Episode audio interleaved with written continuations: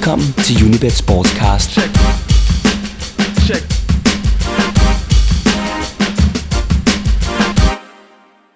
Velkommen til en ny udgave af Unibet Sportscast, hvor det i dag er to venner af huset, journalisterne Michael Winter fra Ekstrabladet og Jakob Hansen fra Tipsbladet, som er gæster. Øh, og fordi vi nu er nået ind i april måned, og alle ligaerne er ved at gå i den afgørende fase, så mente jeg, at det var på tide, at vi tog et altomfattende liga-check. Så de her, velkommen til, først og fremmest. Tak. Um, tak skal du have. Og lad mig med det samme undskyld mit forsøg på at lyde som Rod Stewart. Det er ikke med vilje. Jeg skal nok lade Vinter svare på det meste i dag. Hvordan, hvordan kan det være? Har du, har du været ude i det, været ude i gode vejr? Ja, jeg tror, at stemmen ligger, det, det meste af stemmen ligger et sted på Ræberbarn eller omegn. Ja, det var, det var faktisk rigtigt. Så fik jeg lige nævnt, at jeg var i Hamburg. Ja, du var, du, var, du var ikke bare i Hamburg, du, du, du var også i Berlin. Ja, det var jeg nemlig. Jeg var nede og se i Rødby Mester, ikke også?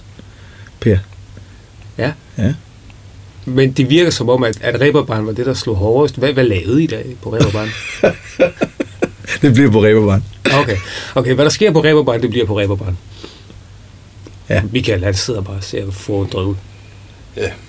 Han følger ikke med på Twitter og Facebook. Det er det, han, han er kørt af sporet på de der sociale medier. Fuldstændig. Reberbahn, hvad er det? Det vil vi så overlade. Dem, der ikke ved, hvad Reberbahn er, de bedes ven. De Google. Google. Google er din ven. Google er din ven. Nå, øh, for at blive bare en lille smule seriøs. Lad os slå ned i Danmark. I øh, Superligaen eller Rådligaen. Fordi øh, jeg ved ikke, hvem der bliver mester, eller hvem der har lyst til at blive mester. Øh, hvad synes I om Superligaen her, hvor der mangler ni runder? Kedelig er den i hvert fald ikke. Nej, det synes jeg da heller ikke. Jeg synes, at det, jeg synes, det, er, det er da dejligt, ja. at der ikke er noget, der er givet på forhånd. Ja. Det, altså, det kan da godt være, at det, det samlede billede det er, at, at kvaliteten er faldende, men øh, så er underholdningen jo bare vokset, så det synes jeg egentlig, det kan jeg fint leve med. Altså, det kan da godt være, at, øh, at folk de tænker, at ah, det var bedre dengang, der var et tophold, der bare spillede godt fodbold hver weekend og så videre, men, men helt ærligt, altså, der er jo ikke noget, der er givet, når vi går ind i en weekend. Det er jo også charmen ved det. Jeg synes, det er fantastisk. Ja. Man slår øh, FC Midtjylland og FCK på hver side af at tage til Sønderjyske. Læs OB. Ja. Det er, det, ja. det er jo sent i ustabil, men er jo med til at gøre ligaen spændende, det synes jeg da også. Så I begge ender? Ja, i begge ender. Så er der nogen, der synes, at det er... Mange, mange kloge hoveder har jeg jo set i den, i den forløbende uges tid, eller faktisk de sidste 14 dage, tale i pressen på alle platformer og alle medier om, at det er skidt for dansk fodbold, at det er så i lige nu. Jamen i forhold til hvad? Fordi så er det i forhold til, så er vi tilbage ved det, det diskuterede vi allerede, øh, kan jeg huske, sidste sommer, hvorvidt at, øh, at det var et problem for Superligaen, at øh, øh, set i et internationalt perspektiv, at øh, nogle af holdene blev dårligere, og at vi solgte de største profiler, og der har altid været, den har altid været op at vende, at, at, at, øh, at det gjorde Superligaen dårligere i forhold til de andre ligaer. Men altså, når, det, er jo, det er jo sådan set ud fra et øh, klubmæssigt synspunkt, fordi så handler det jo om penge, så handler det om, at vi skal, at vi skal kunne klare os godt internationalt, øh, og få, øh, få nogle flere tv-penge og sådan noget. Men når det kommer til fansene, så vil de langt de fleste, der hellere går på stadion med en lille fornemmelse af, at de rent faktisk kan slå hvem som helst. Øh, så underholdningsværdien, og set ud fra det sådan helt basic sportslige aspekt i det her, så synes jeg, det er godt. Jeg synes ikke nødvendigvis, man skal måle sig på, om det er, er godt set i et, øh, i et internationalt perspektiv. Altså, vi kommer alligevel aldrig nogensinde til at blive lige så gode, som de er i Tyskland. Øh, det handler jo om, hvorvidt at klubber, som måske ikke har det store at gøre med, øh, stadig kan levere resultater på banen, som gør, at de er, har en berettigelse til at spille i den bedste række. Øh, og det synes jeg da klart, den her sæson har vist. Jeg synes det er lige fra, at man kan begynde at snakke om, hvorvidt Superligaen skal udvides. Ja. Fordi der er jo ikke nogen af de hold, der ligger i bunden, som har spillet som nedrykker. Så lige så lidt som der er hold i toppen, som har spillet til at blive mestre, så er der da heller ikke nogen i bunden, der har spillet som nedrykker. Øh, så altså, jeg synes, det måske mere være relevant at snakke om, hvorvidt vi måske skulle have fire hold mere i Superliga, eller to bare, i virkeligheden.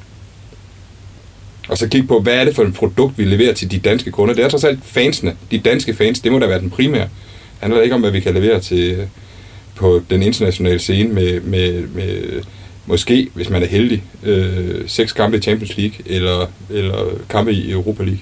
Øh, det er en hel sæson, og det er Superligaen. Det må være den primære kerne til, i forhold til fansene. Det er i hvert fald min holdning til det. Altså. Jamen, jeg er helt enig for, hvor, hvor tit gør vi også internationalt alligevel på klubniveau. Ja. Er jo det- trods alt sjældent, vi slår Altså, så er vi igennem. tilbage ved der, hvor, hvor dem der, der siger, jamen jeg kommer også i parken, fordi der nogle gange kommer nogle gode hold og spiller. Øh, altså, det, det, så, så er det fordi, man hellere vil ind og se Barcelona spille, altså Ja, i virkeligheden. Men det er jo ikke det, som er kernen. Det er jo da dem, der betaler for et sæsonkort. Det er da dem, det handler om. Det handler da ikke om dem, der kommer der, når der så nu en gang imellem er, er Juventus eller Barcelona på besøg. Altså. Så, så set ud fra et, fra et fanperspektiv, og set ud sådan fra, hvad det sådan helt basalt handler om, så synes jeg kun, det er godt, at der er så meget spænding og så meget underholdning i Superligaen som overhovedet muligt. Øh, og så skal vi ikke spejle os op i forhold til, hvor gode vi er i forhold til tyskerne, eller hollænderne, eller belgierne, eller hvem det nu kan være. Men når du skulle være sådan lidt smule, en, en, en lille smule øh, sådan, sådan flabet, så virker det jo som om, at det er jo ingen hemmelighed, at alle, eller langt hovedparten af den danske medieelite er samlet her i København. Hvor ondt gør det langt inde i den store københavnske sjæl at se, at det er to jydehold, der er ved at stikke af med det hele? Og har det en afsmittende effekt på? Altså, ja, det, altså, jeg synes jo kun, det, det er jo kun, øh, for nu er jeg jo, øh, nu er jeg jo jyde, øh, så på den måde kan man sige, at jeg er jo også bosat i København, så på den måde gør det jo i hvert fald ikke ondt på mig at se, at jyderne, de også godt kan levere en, øh, levere en vare. Altså, jeg, jeg tror jo også på, at udfaldet af det her betyder jo også, at man i klubber som FC København kigger indad og siger, okay, det produkt, vi har lige nu, det er ikke godt nok, hvad gør vi? Så er vi nødt til at opruste, vi er nødt til at gøre noget, vi er nødt til at forbedre organisationen. Det gælder også i Brøndby. Og Det vil sige, at vi formentlig vil se et, øh, et øh, forstærket FCK-hold efter sommerferien. Og så vil sige, jamen har den her sæson så været spildt i forhold til at være FCK-tilhænger? Nej, det betyder bare, at, at de har et øh, formentlig, kunne man forvente, et bedre hold øh, efter sommerferien. Øh, så, så sådan er det jo. Altså, det er jo alt andet lige sådan, at når konkurrenterne begynder at snuse ind i nakken, det er jo der, man strammer an, strammer ballerne, og så begynder at gøre noget. Hvis FCK bare var cruise afsted, ligesom Bayern gør i Tyskland, jamen, hvorfor skulle FCK så gå ud og bruge måske 20-30 millioner kroner på nye spillere øh, til sommer? Det er der ikke nogen grund til. Nu kan de gøre det. Nu kan de begynde at kigge ned over deres organisation og sige, er den god nok? Er vi stærke nok? Nej, det er vi jo tydeligvis ikke. Vi er nødt til at gøre noget. Og på den måde kan man jo håbe på, fordi de rent faktisk har de økonomiske muskler til at hente profiler til Danmark udefra, at der rent faktisk kan komme til at ske noget, som kan gøre, at Superligaen bliver bedre. Det er jo også en effekt af det, at andre hold er blevet bedre. Eller at afstanden mellem de bedste og de næstbedste er blevet mindre. Han sidder bare og nikker. Og det er ikke fordi, han slummer. bare Det er ikke fordi, han sidder og slummer. så det går ikke. Eller de måske også kigger på, hvad, hvad, okay, hvad var det, de kunne? Fordi det, det virker jo, som- eller i hvert fald, i, hvert fald jo særdeleshed i OB, men også til dels i Midtjylland, de spiller jo med de hold, de har øh, ud fra et økonomisk synspunkt. Så OB har jo været nødt til at sadle fuldstændig om og satse på egne uprøvede spillere, ikke? På et tidspunkt. Det er jo til synligheden gået fremragende. Har heller ikke de store øh, armbevægelser kunne rode med i Midtjylland. Det er måske også et, øh, et vink til øh, FCK-kontoret at sige, okay, hvad er det, de kan derovre, som vi måske skal kigge på, lad os inspirere af. Man kan jo også se på, hvor mange unge spillere, som er kommet ind i landsholdsvarmen. Måske hurtigere, fordi de rent faktisk får spilletid i Superligaen. Altså, øh, jeg synes, da fremtiden, og det var også noget af det, vi snakkede om her for sidste år, det var jo også det, hvis man sammenligner med, med, med det landshold, vi har nu, og så de der øh, belgere nede i, som, som også kommer bullerne, ikke? Øh, ja. At der er jo rent faktisk tegning til, at vi har nogle, et rigtig godt landshold i støbeskeen. Altså i forhold til de unge spillere, der er rundt omkring. Og man må bare sige, at der er jo altså ret mange af dem, der spiller i Superligaen. Og øh, spørgsmålet er, om ikke at det rent faktisk har været en fordel, om ikke de er kommet lidt hurtigere igennem og frem, fordi de rent faktisk får spilletid i Danmark. Ja. Øh, Og jeg skal selvfølgelig tilføje, at de har selvfølgelig Cornelius, Nikolaj Jørgensen, Tutu, øh, som spiller regelmæssigt i FCK. Men de, OB's Midtjyllands strategi viser måske, at det er måske ikke nødvendigt at hente en Chris Dalsgaard hjem fra Malaga, eller en Olof Melberg på en pensionistkontrakt. Han er stadigvæk målfarlig. Han er stadig målfarlig. Og to af dem, du så nævnte, de er jo så ude med Ja, skader. det er de så. Uh, og det er Iris Virchenko i øvrigt også hos uh, Midtjylland. Det er nu meldt ud, at han misser resten af sæsonen. Mm. Men når jeg skimmede ned sådan over, over, over mesterskabsoddsene, som bliver ved med at justere sig. Nu er der fire, der, altså der er fire hold, der realistisk kan vinde. Midtjylland er nu nede i 1,72, OB 2,40, FCK i 16 og Brøndby i 28. Hvis I nu fik 100 kroner, hvem vil I så spille på som dansk mester lige nu? Så, så tror jeg sgu, jeg vil tage øh, chancen på odds 16. Det synes jeg alligevel er- er meget, meget højt på FCK. Når man, når man nu ved, at det er Midtjylland og OB møder hinanden i weekenden, i den kommende weekend. Ja. Uafgjort, så har begge to sat point til, så har begge to smidt to point i forhold til FCK, som vinder over Sønderjyske om søndagen. Så er der pludselig ikke så langt op, og stadig otte runder ja. igen efter, efter weekenden her. Og vil jeg tage chancen på et 16. Jeg synes også, det lyder, det lyder højt, når nu man ved, fordi der er jo ingen tvivl om, at hvis du kigger på kvaliteten, altså hvad der er til rådighed, så er, så er Midtjylland og OB bare langt mere sårbare, end FCK er. Altså, så kan man så sige, hvordan de leverer på banen og så videre. Jeg synes jo også, at resultaterne har, har, har, har der er jo ikke nogen af dem, der ligesom mønster nu og siger, nu har de lige fundet den der stabilitet, der gør, at de bare lige cruiser til mål. Det er der jo ingen af dem, der har. Så er det bare et spørgsmål, hvem er den, der finder den først. Og der må man bare sige, altså FCK har jo vist før, at rammer de lige striben, ikke? Ja. så vinder de resten. Og vi ved, hvor lidt der skal til i fodboldens verden, for Præcis. lige at vende bøtten til, nu kører vi. Ja. 16 gange pengene er højt sat, ikke? Så 16 gange penge, det, det, der var Jeg vil i hvert fald ikke gå efter, jeg vil ikke gå efter FC Midtjylland. Altså, fordi, Ej. altså, det, det, det, det, det, vil jeg simpelthen ikke. Altså, det kan godt være, at de går hen og bliver mestre alligevel, men altså, det, det vil jeg ikke. Altså, det Nej, det var er for uforudsigeligt til, at jeg vil gå efter lavest. Ja, Jamen, det var, det var klart tale. Det var, sådan, øh, det var to value bets sådan i, i Ja. skrivende stund. Okay, så vender vi lige tabellen på hovedet. Og uden at, uden, uden at jeg nu afslører, hvad de forskellige giver, så nævn to nedrykker. Sønderjysk og Viborg.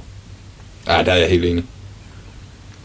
Ja, Jeg vil sådan da sige, at spørgsmålet, jeg, jeg, kan ikke, jeg har sådan en, en snigende fornemmelse af, at Randers godt kan, kan men altså, ej, jeg vil også sige, altså Sønderjysk og Viborg, det må være, det må være, være puden, ikke? Men altså, altså, jeg vil også være, på den anden side, man kan jo sige, du kan, det, de må også være nervøse i Aarhus. Altså det, som der Ja. er leveret her på det seneste, det indikerer jo heller ikke, at der er, at øh, overlevelsesgenet øh, har slået til øh, der.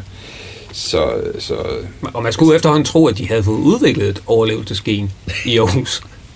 Ja, der er ikke nogen, der snakker mesterskab. Øh, Og det er der ikke. Sæson. øh, så på den måde er det der er tegn på bedring. Men altså, øh, ja, altså, ej, det vil jo være, det vil jo være en, øh, det vil jo være en katastrofe, hvis de rykker ned en gang til. Altså, Ja, det vil det. Men, øh, og, og, og altså, det kan man jo sige, det var det også sidste gang, men altså igen, et tab for Superligaen, hvis de gør det, ikke? Men, Altså, uha, altså, det er jo det igen, så er vi den der, med- dem, der rammer den dårlige stime, det er dem, der rykker ud, ikke? Og der må man Ja. bare sige, at lige nu er der altså, pilen peger altså nedad i flere steder. Ja. Øh, og jeg synes jo, jeg er egentlig heller ikke så voldsomt imponeret over det, Randers leverer, altså i virkeligheden. Øh, de kan Nej, også det, det, det, den det virker som om, de har voldsomt svært ved at vinde fodboldkampe, ikke? Ja, øh, men igen, altså, hvor er det... De har jo alle sammen vist, at de har det, der skal til for rent faktisk at overleve. Altså, det er bare et spørgsmål om at få leveret det stabilt. Sønderjysk har også vist det. Sønderjysk har også vist, at hvis de kan ramme det, som de er gode til, stabilt nok i slutfasen, så rykker de ikke ned. Øh, AGF har også indimellem nogle katastrofalt dårlige kampe, leveret nogle rigtig gode kampe. Så altså, det er... Altså, det er næsten dagsform, og, øh, og, det, og hvem møder hinanden, hvornår og sådan noget. Det, det, er sgu, det, det kommer til at afgøre, hvem der rykker ud. Og Vestjylland har smidt, øh, ligger over stregen, selvom de har smidt 15 point til Viborg og Sønderjyske. Ja. Og er der nogen, der kan spille med et betonforsvar, så er det Vestjylland. Ja. Nu er de spillet med 0-0 i OB. 0-0 i Esbjerg. Det er jo okay. Nå, men øh, bare lige for at, at gøre det klart, ja, Viborg og Sønderjyske er også oddsfavoritterne til omkring 61, men det er godt nok længe siden, jeg har set så lave odds på så mange forskellige hold. 2-10 på Vestjylland, 2-85 på Randers, fem gange pengene på AGF. Men det er ikke, der, der er altså ikke value nok, kan, kan jeg fornemme. Ah, det ved jeg sgu ikke. Nej, ja, det, det tror jeg ikke. Jeg, jeg, jeg, jeg, tror det ikke. Jeg, jeg, jeg, jeg, jeg må indrømme, jeg har svært ved at se, at, øh, at, øh, at AGF skal rykke ned. Men altså... Nej, det ved jeg ikke. Jeg synes, jeg, det, det, det vil jeg simpelthen ikke engang spå. Jeg, jeg synes, det er, en, altså, det er en, en, virkelig en rodebunke, det der. Ja, helt enig. Så Jeg ingen, synes ikke, at der er så meget værdi i det, som der er i at spille til 16 gange penge på FCK som dansk mester. Nej, slet ikke. Det synes jeg ikke. Ja, fair nok. Vi øh, lader nedrykningsdebatten og kører et par runder med, og så ser vi, hvordan odds de skifter. Og fra Danmark videre til øh, Spanien. En liga, som i den allerførste sportscast nogensinde blev af, af herr Hansen omtalt som en Mickey Mouse Liga. Men nu er det ikke en Mickey Mouse Liga længere, for nu er der tre hold, der kan blive mestre. Og, Så nu er øh, fedt muligt komme med. Altså, Diego, øh, der var nogen, der havde moret sig på Twitter med at spørge om, hvorvidt øh, hvor, hvorvidt Diego S- Simeone øh, kunne overkomme både det at træne Atletico Madrid, og samtidig være inde i øh, skuespilleren Danny Trejo. Ja. Igen, Hansen, google ham. Asbul. Uh, jeg vil lige gøre opmærksom på, at vi havde de sædvanlige meget lave også på Barcelona og Real Madrid, da turneringen gik i gang, og nærmeste outsider ved start på La Liga. Det var Atletico Madrid til 65 gange pengene. Hvis der er nogen, der havde smidt et, et par hundrede mand på, på en Atletico-sæson, så er det altså cash ind nu. Hvis I nu tager de kyniske briller på, når I kigger på den forhåndværende Mickey Mouse Liga, hvem tager sig det mesterskab? Jamen, nu beder du også om at være kyniker, og så er det jo nemmest at sige Barcelona, fordi de trods alt har et point forspring, og vel vinder resten af kampene. Men jeg vil hellere sige Atletico. Jeg synes, de er fede at se. Jeg synes, der er en fed kampgejst over dem. Jeg synes, det er fedt at se, at de har bidt sig så meget fast, så de er, de er med endnu. Og jeg håber sandt for døden, at de kan holde fast til sidste runde, og så bliver det liv eller død på kampen af i sidste runde. Hvor Atletico kommer på, så ikke? I Barcelona sidste spilrunde. Fantastisk kunne det være. Jeg håber også det. Altså, det ville, det ville klæde det, hvis det blev Atletico Madrid. Jeg må så indrømme, jeg tror faktisk, Real Madrid gør det. Øh, det, det, det, øh, det er bare sådan en... Øh, det er, bare, det er bare en snigende fornemmelse af, at øh, når man kigger på programmet, også det, at, at Barcelona og Atletico Madrid skal møde sin sidste spillerunde. Ikke? Altså, Ja. det, det, det, det, det, det er altså også lige en faktor, som godt kan... Øh, som, øh, som godt kan spille ind. Men det er jo helt åbent, og det er jo helt fantastisk, at vi har en sæson, som, hvor altså, det skal afgøres måske endda med en guldkamp til allersidst. Ja. Altså, det er jo, som ikke er mellem Barcelona og Real Madrid. ja, netop. Altså, det er jo, det er jo, det er jo fantastisk. Øh, man, og man forestiller også- sig det scenarie, at de i sidste runde, ved at spille uafgjort, spiller mesterskabet over i hænderne på Real. ja, det vil jo være... så har altså, vi øh, to klubber, der ligger arm i arm og står, næsten- vræler i sidste runde. Det kan, det kan måle sig med, med, med, med Premier League-sæsonen, hvor, hvor det stod ved på til allersidst mellem øh, City og United. Ikke? ja. Det er jo... Det vil jo være fantastisk. Eller Men, men her, her kan Reals to største rivaler spille ben for Ja, ja, i sidste runde. Altså, jeg vil også sige, at det, jeg håber også, det bliver... Jeg, jeg håber, det bliver Atletico Madrid. Øh, der, jeg har bare en snigende fornemmelse af, at, øh, at Real gør det. Uden jeg sådan lige kan hænge det op på en bestemt ting. ja, hvorfor lige Real Madrid nu? De, er- ja, de, de har fire point op til Barcelona, selv Ja. med pointtab i sidste runde. Ja, det... Når man pludselig tager i Sevilla, Ja. meget mystisk. Ja, Endda efter føring. ja.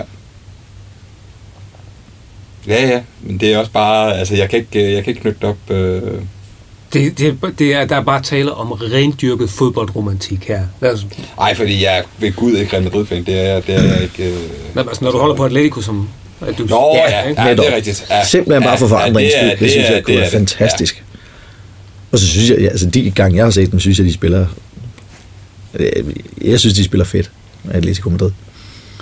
Vi havde øh, sekserens Morten Brun i vores tv-udgave, Unibet TV, for, for et par uger siden. Og der sagde han, at han ikke troede, at Atletico kunne blive mestre, men at de ville gå efter Champions League. Uh, nu, har vi jo, nu er vi jo så heldige, at i dag er det onsdag, så vi har et direkte opgør på Camp Nou i aftes, som slutter 1-1 og forholder os til. Tror du, Brun har ret i, at uh, de har ikke kræfterne til mesterskabet, men de vil gå efter Champions League i stedet for. Ud fra devisen. Atletico kan ikke spille på to heste samtidig. Nej, jeg, jeg tør ikke ubetinget give ham ret, fordi man, man har jo sagt hele sæsonen, at det, det holder, det, det var ikke ved med Atletico. Det var ikke ved. Og, og det har det jo altså gjort indtil nu. Vi er i april nu, de er, de er stadig med, og de var, gik fuldstændig overlegent igennem gruppespillet i Champions League. Holdt stadig fokus på ligaen. Var stadig langt med i øh, pokalen. Men det er jo rigtig nok, den måde, de spiller på, er jo en, der trækker altså på fysikken. Altså, så, så, så, så, det, altså, og de er også mere sårbare over for skader. Og, så- altså, så, så der Ja. ligger selvfølgelig nogle ting i forhold til både restitution og sådan noget. Altså, du skal også dosere dine kræfter, som sæsonen skrider frem. Der, på den måde har Morten Brun jo ret. Altså, det, det kan man, kommer man jo ikke udenom. Men man må så også bare sige, at den gejst, som de tydeligvis ligger for dagen, Ja. gør jo, at jeg har svært ved at forestille mig, at hvis man rent faktisk kan snuse til et mesterskab, altså man skal jo ikke undervurdere betydningen af at vinde et mesterskab i en liga, som i så mange år har været domineret af to andre klubber, og hvor den ene er lokalrivalerne for Real Madrid. Altså, der er jo intet en Atletico Madrid-fan heller vil, end at ende foran Real Madrid i tabellen. Og hvis man så samtidig gør det ved at vinde mesterskabet, altså så er jeg ret sikker på, at så at, er det altså øh, fuck Champions League. Ja, det, altså, tror, det, det, det er jeg også fuldstændig overbevist om. Hvis, hvis, hvis de kunne vælge, så er jeg ikke i tvivl om, de vil tage titlen i Spanien. Det tror jeg også.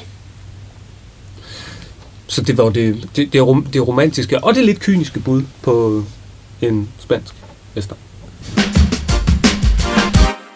Så fortsætter vi øh, rundturen til det, som med lidt ond vilje kunne kaldes den nye Mickey Mouse Liga. Fordi det må man vel kalde en liga, hvor et hold bliver mestre syv runder før tid. De der Uber Bayern, som øh, i det hele taget er så voldsomt overlegne, at de har dræbt spændingen.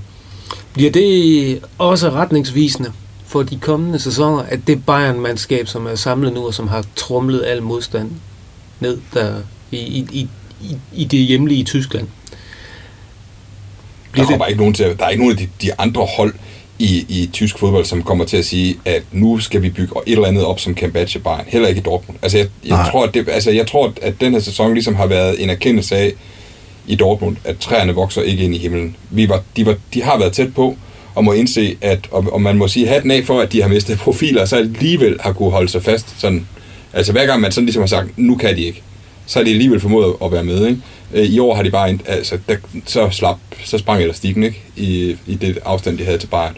Og jeg tror, nu handler det mere om det, om hvem kan så etablere sig som værende næstbedst, som, som man har en platform at bygge på den dag Bayern ikke, altså den dag Bayern lige pludselig viser svaghedstegn, så er man der til at rykke.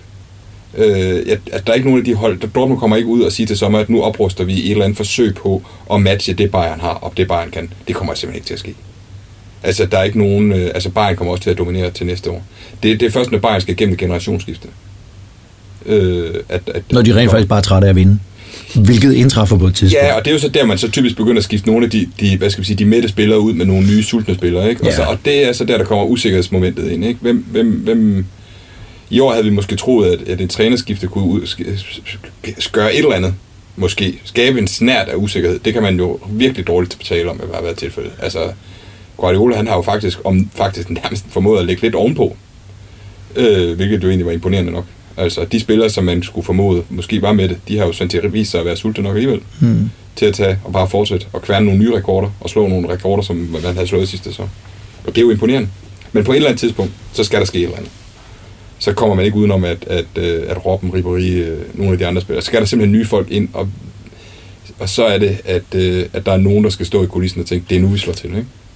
Men det bliver ja, og det, det, det, det, nej, men det kunne, det kunne sagtens blive Dortmund, fordi de, de, går ikke, jo, ud, de, går ikke ud og, de går ikke ud og sprænger banken for at komme til at matche Bayern, fordi det tror jeg simpelthen, de har opgivet. Ja, altså, det, det, tror jeg også. Jeg, tror, det, det, det, jeg tror, der er for meget realisme i Dortmund nu til dags. Det har vi set tidligere, det var der ikke, men det er der nu til dag, så det, det gør vi bare ikke. Men derfor kommer de stadig til at bygge lidt ovenpå. Ja, det gør de, men de kommer fordi, til at bygge en platform, som de kan stå på til den dag, Bayern så rent faktisk viser de svaghedstegn, der gør, og så tror jeg, det ja. til, ikke? Ja. De kommer ikke til at forsere den proces ved at på en eller anden måde sige, nu skal vi matche det, som Bayern har, og så gå ud og bruge en halv milliard på nye spillere. Det kommer simpelthen ikke til at ske. Og forskellen mellem de to klubber havde også været mindre, hvis Dortmund havde haft en mere problemfri sæson. Altså, det, det er jo...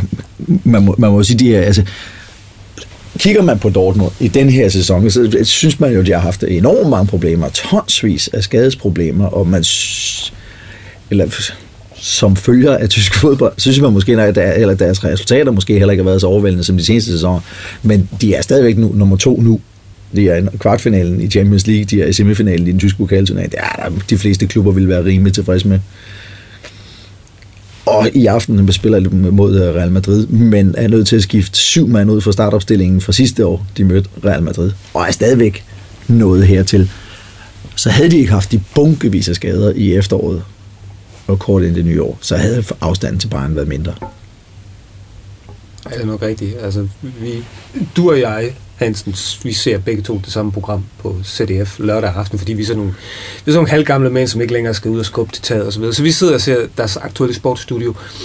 Og øh, for nylig, der var Hans Joachim Watzke igen inde og sagde, meget lige, at vi har tænkt os at bruge måske en 40-50 millioner euro på nogle nye spillere, men, men ikke, men det er de penge, vi har, det er penge, vi har tjent. og det er ikke penge, vi går ud for at låne.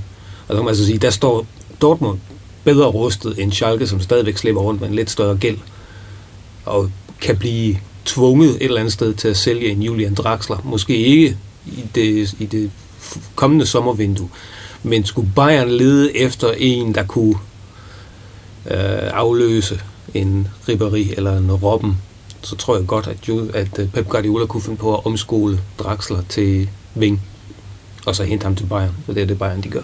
Ja, ja og det, det er så forskellen mellem Dortmund og Schalke, fordi Dortmund kan gå ud og erstatte en profil med en profil. Altså, de henter Mkhitaryan før sæsonen.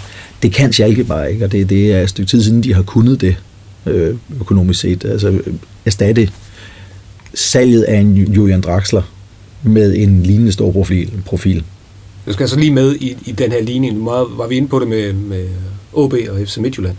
At det Schalke-hold, som har stillet de sidste 3-4 runder, har haft en gennemsnitsalder på 23 år. Og, og, ja, det er stærkt. Og, og vi, har, vi har nogle spillere, som vi meget hurtigt har lært navnene på. Der er en uh, Max, en Max Meyer på, på 18, så er der en fors, uh, karrierehan på 19, for, forsvarsspiller Leon Goretzka på de her 19-20 stykker. Og det virker som om, at uh, Jens Keller, han, uh, han det, var jo oprindelig ungdomstræner. Det virker som om, at Jens Keller uh, er bedre, bliver en bedre træner, jo yngre hans hold bliver. Ja, det kan godt være. Men der kan man så også sige, at de går i gang med i, i virkeligheden den proces med at bygge en platform, som man måske har noget at stå på til det tidspunkt. Altså det er jo lidt det der med at sætte tæring efter næring og finde ud af, hvad kan man gøre. Ikke? Og det er jo lidt det samme, som også er sket i, øh, i, øh, i Danmark, og som FC Midtjylland har praktiseret i mange år. Og nu er det så, nu har de chancen, fordi nu er det suveræne tophold FCK jo begyndt at slå sprækker. Og så er det, at man skal tage den platform, som man har fået udbygget, og så rent faktisk gøre noget.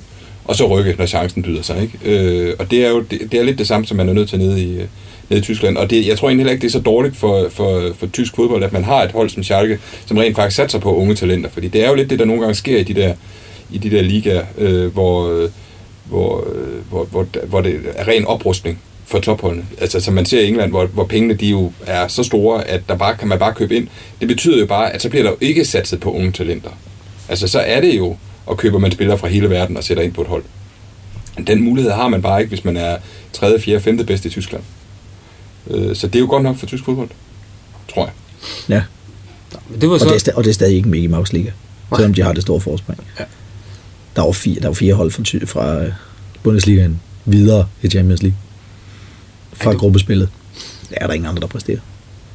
Der er super spænding om tredjepladsen. Der er super spænding om Europa League-pladserne. Der er knaldhammerende spænding om nedrykning. Ja, fordi det, det brækker man lige præcis til, til, til, uh til, til det virkelig presserende emne i Tyskland. At øh, nu går den ikke længere for i hvert fald et af de store hold med hensyn til at undgå nedrykning her, hvor der ikke mangler, hvor mangler der seks, rund, seks runder. Det ser meget sort ud for HSV og Stuttgart. Og en af dem klarer sig vel ikke den her gang? Nej, jeg, jeg tvivler seriøst på det. Det gør jeg. Jeg synes også, det lugter lidt af sorte bøger til, øh, til en af dem. Ja. Nu var du fik jo slået fast, at du har været på Reberbaren, og hvis nu lægger, hvad der skete på Reberbaren til side, så var du ind og se dem igen. Ja, det er anden gang i foråret. Jeg ser ja. dem live. Ja, de er forfærdelig ringe. Det synes jeg virkelig. Jeg har Ja. ja. Virkelig virkelig skidt. Og man skulle ellers synes, at nu efterhånden måtte de ligesom havde fået indset, at de altså er et hold, som skal altså, kæmpe for, for, for overlevelse. Altså, der har jo ikke været tegning til et stort hold dernede i, i et stykke tid nu, kan man sige. Så man skulle synes et eller andet sted, at skriften på væggen har stået ret, stået ret tydeligt. Øh, men det er som om, at det, altså, det er det der overlevelsesgen, som, som på en eller anden måde skal slå igennem på et eller andet tidspunkt. Og det, det, det ser sgu, virker sgu lidt magtesløst på en eller anden måde. Ja, det gør det. Altså, jeg, jeg vil minde, jeg vil, de, skal, de vil være svineheldige, hvis de klarer sig. Altså, det skal være på grund af, at de øh, på en eller anden måde får skravet så tre vigtige point hjem i, i en eller anden runde, hvor øh, Nürnberg eller Stuttgart eksempelvis kigger i stedet for. Ellers jeg har svært ved at se, at der er to hold, der er dårligere end Haas Favre i øjeblikket. Og så skal de være svineheldige og, og lande på den der tredje sidste plads, og så være så svineheldige, at Paderborn samtidig holder fast i deres tredje plads i anden Bundesliga, og så mødes i, i playoff. Og man må jo sige, at altså for eksempel, hvis du, altså Nürnberg, de har jo prøvet den der overlevelseskamp før, ikke? Og der har man sådan lidt en fornemmelse af, at de, kan, de, har, de kunne godt have det der, øh, altså hvad skal vi sige, det der lige skal til, for lige at, give, at levere det, der præcis skal til til sidst, Ja. for at overleve, ikke? Ja. Den synes man bare at virker, som om den er lidt længere væk hos Haas Favre. Ja, altså eksemplificeret i sidste uge, hvor Nürnberg og Stuttgart møder hinanden. Øh, Nürnberg kommer med fire nederlag i træk, og fuldstændig smadrer Stuttgart. Jamen, det- det- Ud af banen, og øh, ny Stuttgart-træner Hugh Stevens står bagefter og er rasende i, øh, på, på ZDF. Øh, Han troede ærligt talt, at han spiller havde lært at, at fighte for, for Mm. overlevelse. Og der er lige blevet kørt ud af banen af Nürnberg, som kommer med fire nederlag i træk. Og det er jo det, det, er jo det Ja. Nürnberg, fordi de har prøvet det før, og der kan man sige, det er jo så det, som de også skulle have lært i, øh, i, øh, i Haas Favre efterhånden, Ja. men som jo tydeligvis ikke rigtig slår igennem, og på et eller andet tidspunkt skal du betale prisen. Du kan jo ikke blive ved med at lukrere på, at der er hold, der er dårligere end dig selv. Altså, det er, i den her sæson er det i hvert fald en meget farlig strategi. Ja, det er det. Så øh, det, det, det, kold, det kolde kald nu.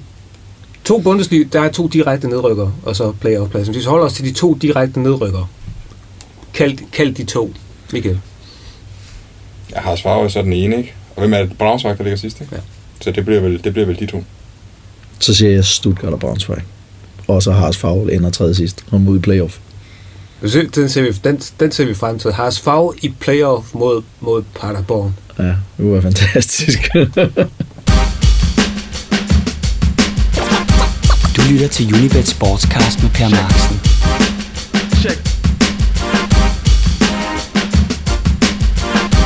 Næste stop på øh, Liga-rundrejsen, det er selvfølgelig England. Og øh, her er der også et mesterskab med, med, med, med tre heste, hvor vi skal finde en vinder. Hansen bliver siddende. Fordi det er 24 år siden det sidste mesterskab, øh, det, det blev kørt hjem. Men, øh, men inden du nu forklarer, hvorfor Liverpool de vinder det her mesterskab, så skal jeg lige have dig til at fortælle, hvorfor det i grunden er, at du er Liverpool-fan. Øhm, fordi vi er sådan nogenlunde jævnaldrende, så jeg har en fornemmelse af, at vi kommer til at høre et eller andet med Ian Douglas og Ian Rush og Allan Hansen. Og ja, nu synes jeg, jeg tror, jeg synes, at farven rød var fed dengang, og så voksede jeg jo op med Sort øh, øh, sort-hvid fjernsyn, og kunne ikke se en skide farve. så gammel jeg. Ja, øh, det var jo dem, der vandt på det tidspunkt. Øh, Så ligesom der er børn, der er vokset op og er United-tilhængere, så var det derfor, jeg blev fast i Liverpool. De vandt jo meget ofte dengang, dengang jeg var dreng, og formede min fodboldinteresse. Så du startede simpelthen bare som en, som en regulær medløberfan, og så holdt du bare fast, også da de begyndte at tabe. Øh, det, ja, ja, lige præcis. Hvad de jo så har efterhånden gjort i flere år af min levetid, end de har vundet i min levetid. 24 år. Ja. Men hvorfor bliver de så mester? Fordi de har en fantastisk offensiv, og fordi de kan de er så utrolig svære at stikke på grund af den offensiv. Er det ikke den, eneste, er det ikke den ene, der, der øh, scorer, så er det den anden, eller den tredje, eller den fjerde. De har en fabelagtig kvartet op foran, som er utrolig svær at markere ud. Og så kan du altså score nok så mange mål på dem. Det virker som om, de skal nok bare score mere. At de har en enorm selvtillid, enorm tro på, at ja, ja, lad, lad bare de andre score tre eller fire gange. Vi skal nok score mere.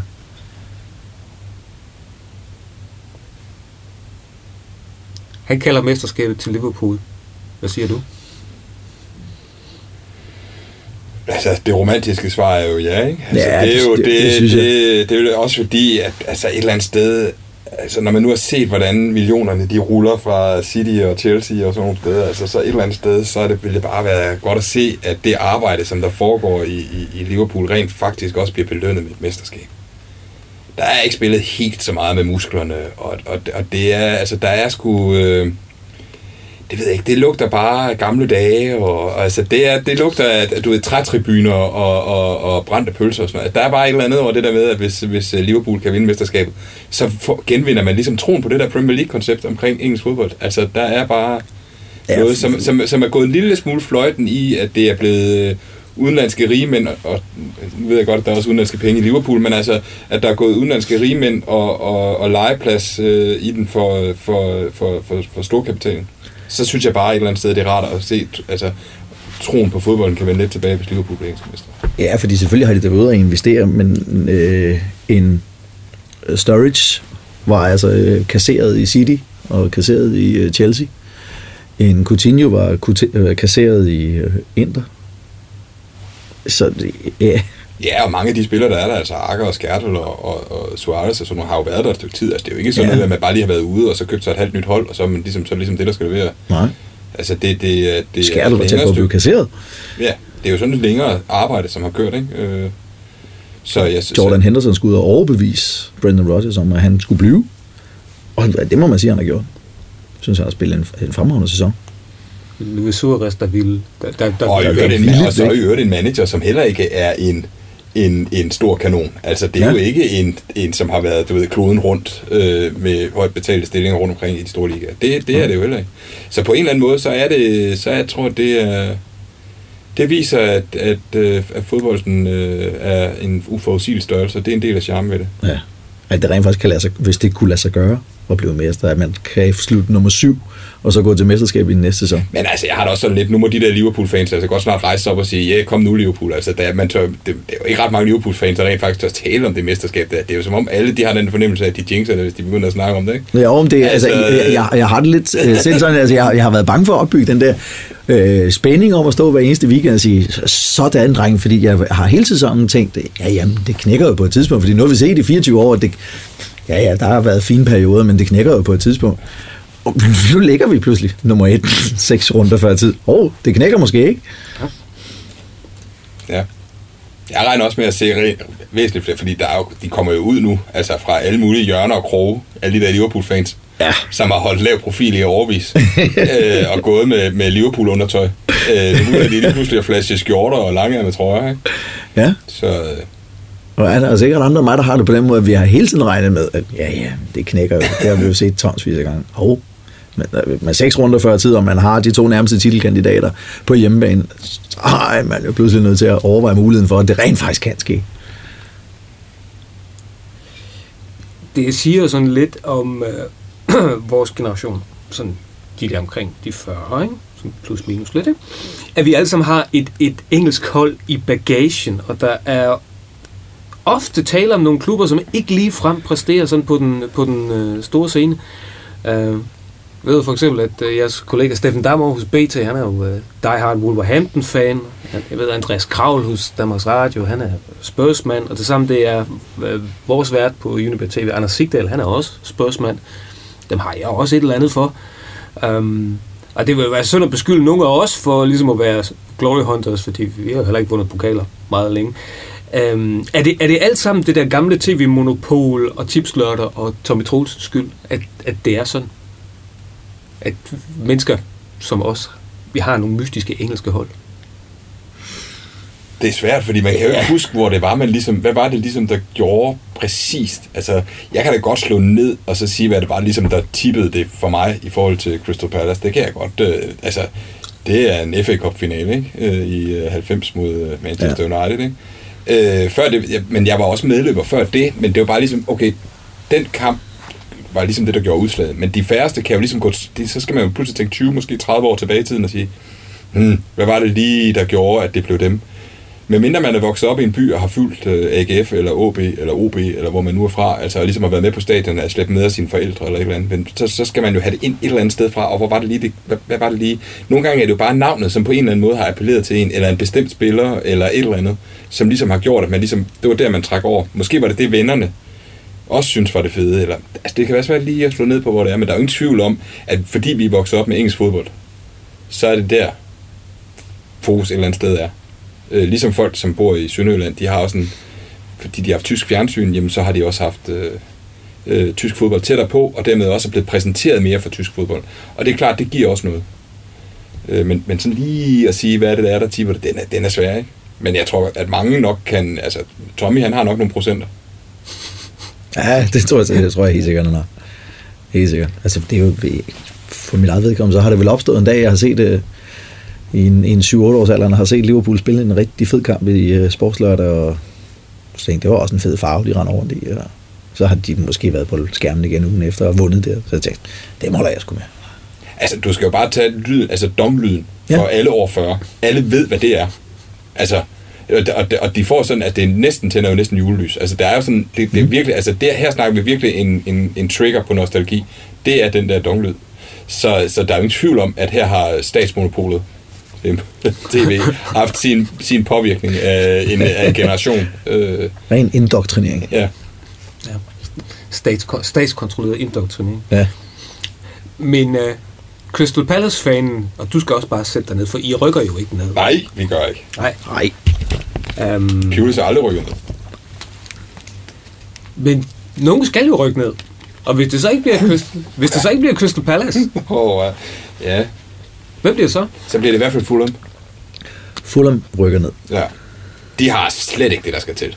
Altså, der, der er slet ikke noget overløb. Jeg kan- er virkelig, virkelig svært ved at se, når vi nu skal snakke om i de store ligaer, hvem der rykker ud, så er der bare slet ikke tegning til. Nej. Der kan Deres, selv, deres være, selvforståelse er slet ikke til, til det. og der kan bare ikke være tre hold, der er dårligere end dem.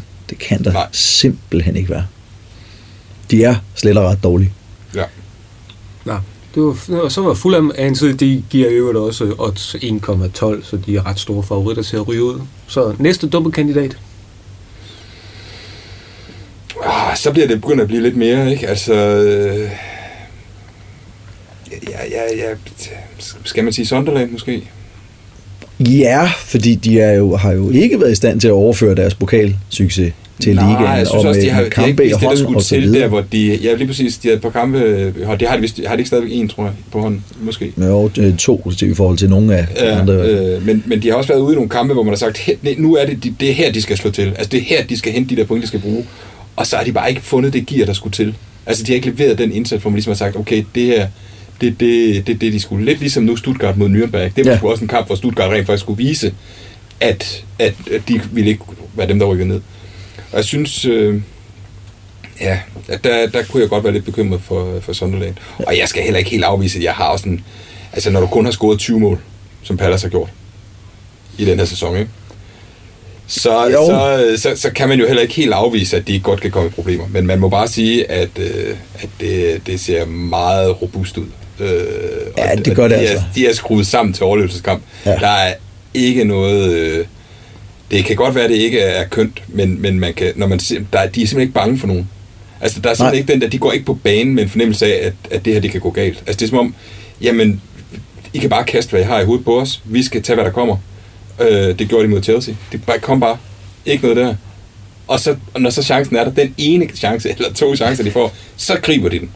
Øh, og så kan man komme langt med bare 20 scoringer på en sæson. Og, og så er der bare ingen panik, hvis, Nej. altså, hvis, de, hvis, de kommer, hvis de står op i Newcastle og har pointet indtil det 94. 20. minut, og så ender med at tabe alligevel. Nå, Ja. altså skuldertræk videre næste. Præcis. Og det er jo lige præcis sådan noget, der man overlever på. Ja, hvor det virker som for eksempel i Norwich, at øh, Chris Hutton, han kører fra kamp til kamp, tager af pommer til på udebane, og så er han fyringstruet, og så spiller de ekstremt stabilt på hjemmebane. Okay, så redder han en rundt mere. Så tager de på udebane. Og endda til Swansea. Så er han fyringstruet igen. Til gengæld er det ikke kedeligt, når Norwich spiller. Nej, det er det altså ikke. West Bromwich, tror jeg. Kan vi ikke lige få oddsene at høre? Fordi det kunne... Jo, det, det kan vi godt. Sunderland giver 1,45, og det er tredje største favorit. Norwich giver fire gange pengene, og det gør West Bromwich også. Så vil jeg smide pengene på West Bromwich. De har stadig kun været i stand til at vinde én kamp, siden PP Mel han overtog. Lukker mål ind konstant, fuldstændig ude af stand til at holde nålet. Har Cardiff helt nede i sækken på hjemmebane i weekenden. Og glemmer at snøre til i to omgang. Jeg vil sige, hvis de taber til Norwich i weekenden, Ja, så tror jeg også, det er sket. Fordi så begynder det, så, fordi det er lige præcis en nøglekamp ja. for dem, ikke? Cardiff er der også. Det, jeg skulle lige til at nævne, at, at Cardiff er altså næststørste favorit. Ja, 1,25, men uh, ja det, det, det er der ikke værd at spille på. Altså, Nej. to sejre, så er de jo over. Ja. så en fuld, jeg- fuld, Fulham stensikker nedrykker, og så, og Jamen så også fordi, at de træf... Altså, altså, jeg, altså, jeg forstår... Hvis jeg var Fulham-fan, så ville jeg være dybt frustreret. Altså, fordi, altså, vanvittigt. hvad er det for nogle beslutninger, der er blevet truffet? Det er jo helt, helt hen i vejret. Altså, øh, øh, spillerkøb og taktiske dispositioner og managerskift og sådan noget. Der, altså, der er jo intet af det, som har oset af, at man tænkte, vi skal kæmpe for overlevelse.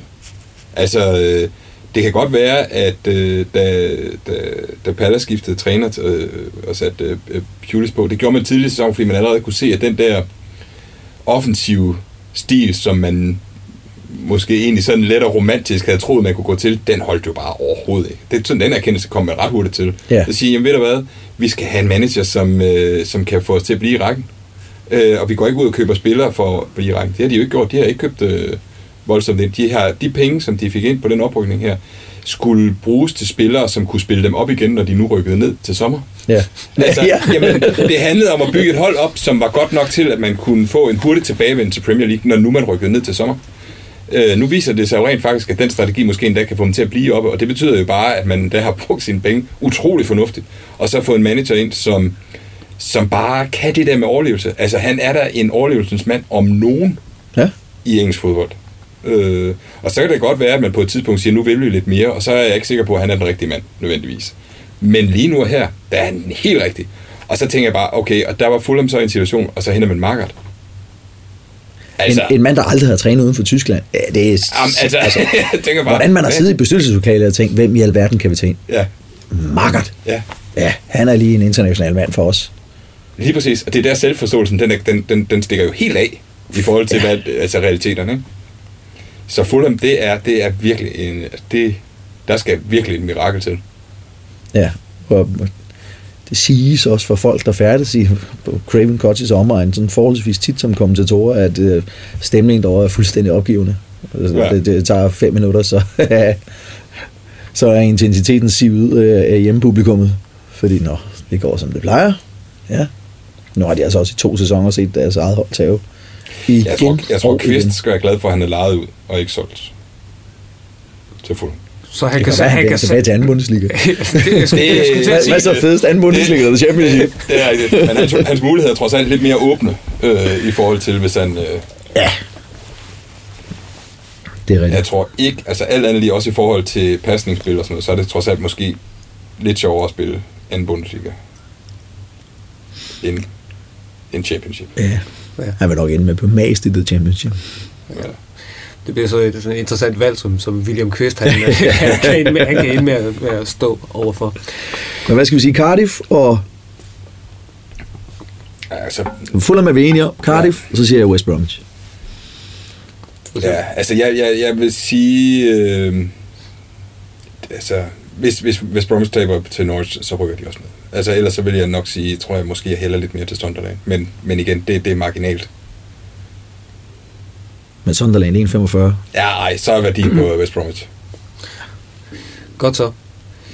Og med det, så øh, har vi fået færdiggjort vores øh, store liga-check her med et par mestre og med en hulens masse nedrykker. Tak til Jakob Hansen fra Tipsbladet. Tak til Michael Winter fra Selv tak.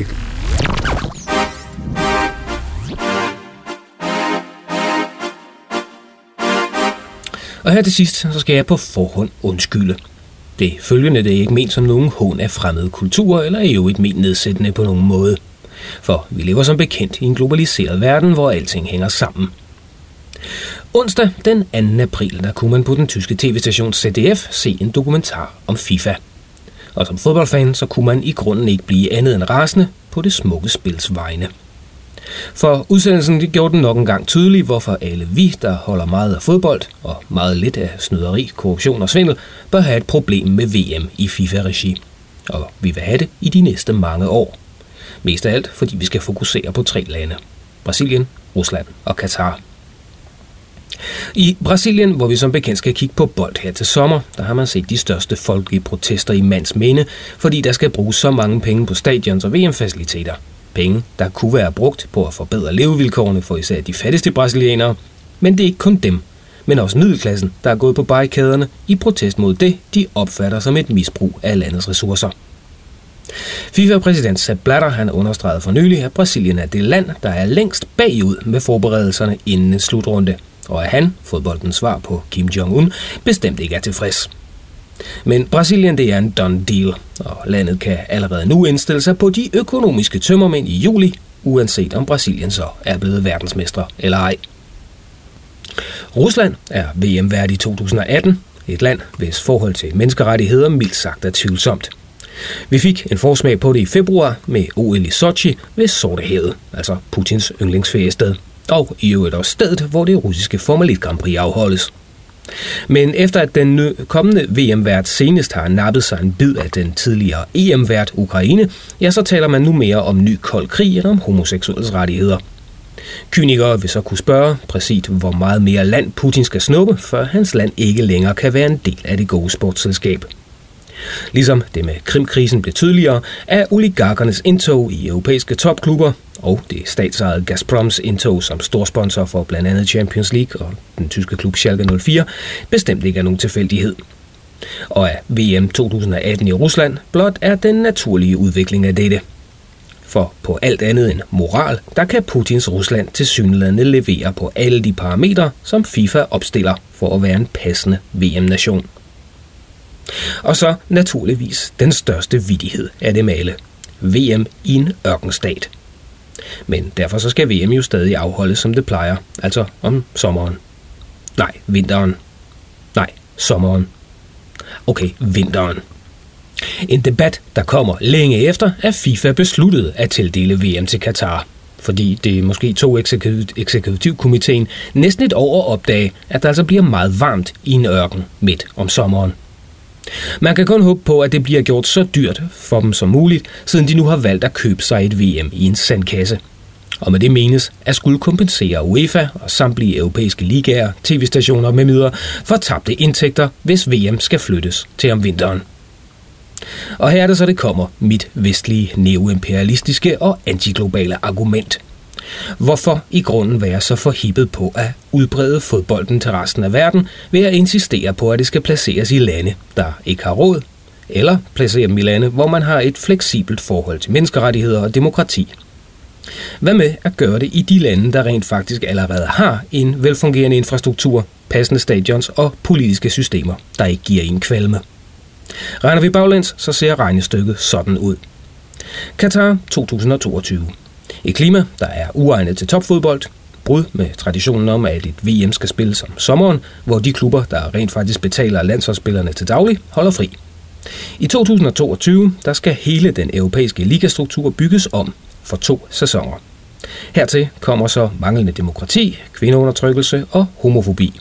Og så har vi ikke engang nævnt alle de udenlandske arbejdere, der er omkommet i landet, fordi arbejdsforholdene for lønslaver er noget, der ligner det, vi havde under enevælden. Rusland 2018 er belastet af de åbenlyse demokratiproblemer og omfattende korruption, mens der med hensyn til Brasilien i 2014 er tale om en økonomisk ubalance, der skriger til himlen, og hvor de massive fodboldinvesteringer burde være gået til at forbedre infrastruktur og levestandard. Sydafrika 2010 var en sportlig succes, til trods, selvom ingen af os har glemt muselærerne, et land plaget af store økonomiske problemer og omfattende kriminalitet. Det lykkedes ganske vist at holde sidstnævnte nede, mens VM fandt sted, men de økonomiske tømmermænd, ja, de slog ikke desto mindre hårdt. Tyskland 2006. Det fungerede. Sydkorea, Japan 2002. Det fungerede. Frankrig 1998. Det fungerede. Og USA 94, ja, det fungerede sjovt nok også. Det er hverken urimeligt eller arrogant at insistere på, at store slutrunder placeres i lande, hvor man rent faktisk har råd og den passende infrastruktur til at gennemføre dem. Det er bare sund fornuft. Vi kan alle sammen forstå det er retfærdige i, at hele verden skal have del i verdens største sportsgren.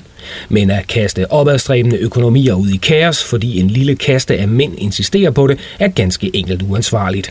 Ikke kun over for de lande, som det går ud over, men også for selve sporten og de tilskuere, der betaler bruderparten af omkostningerne.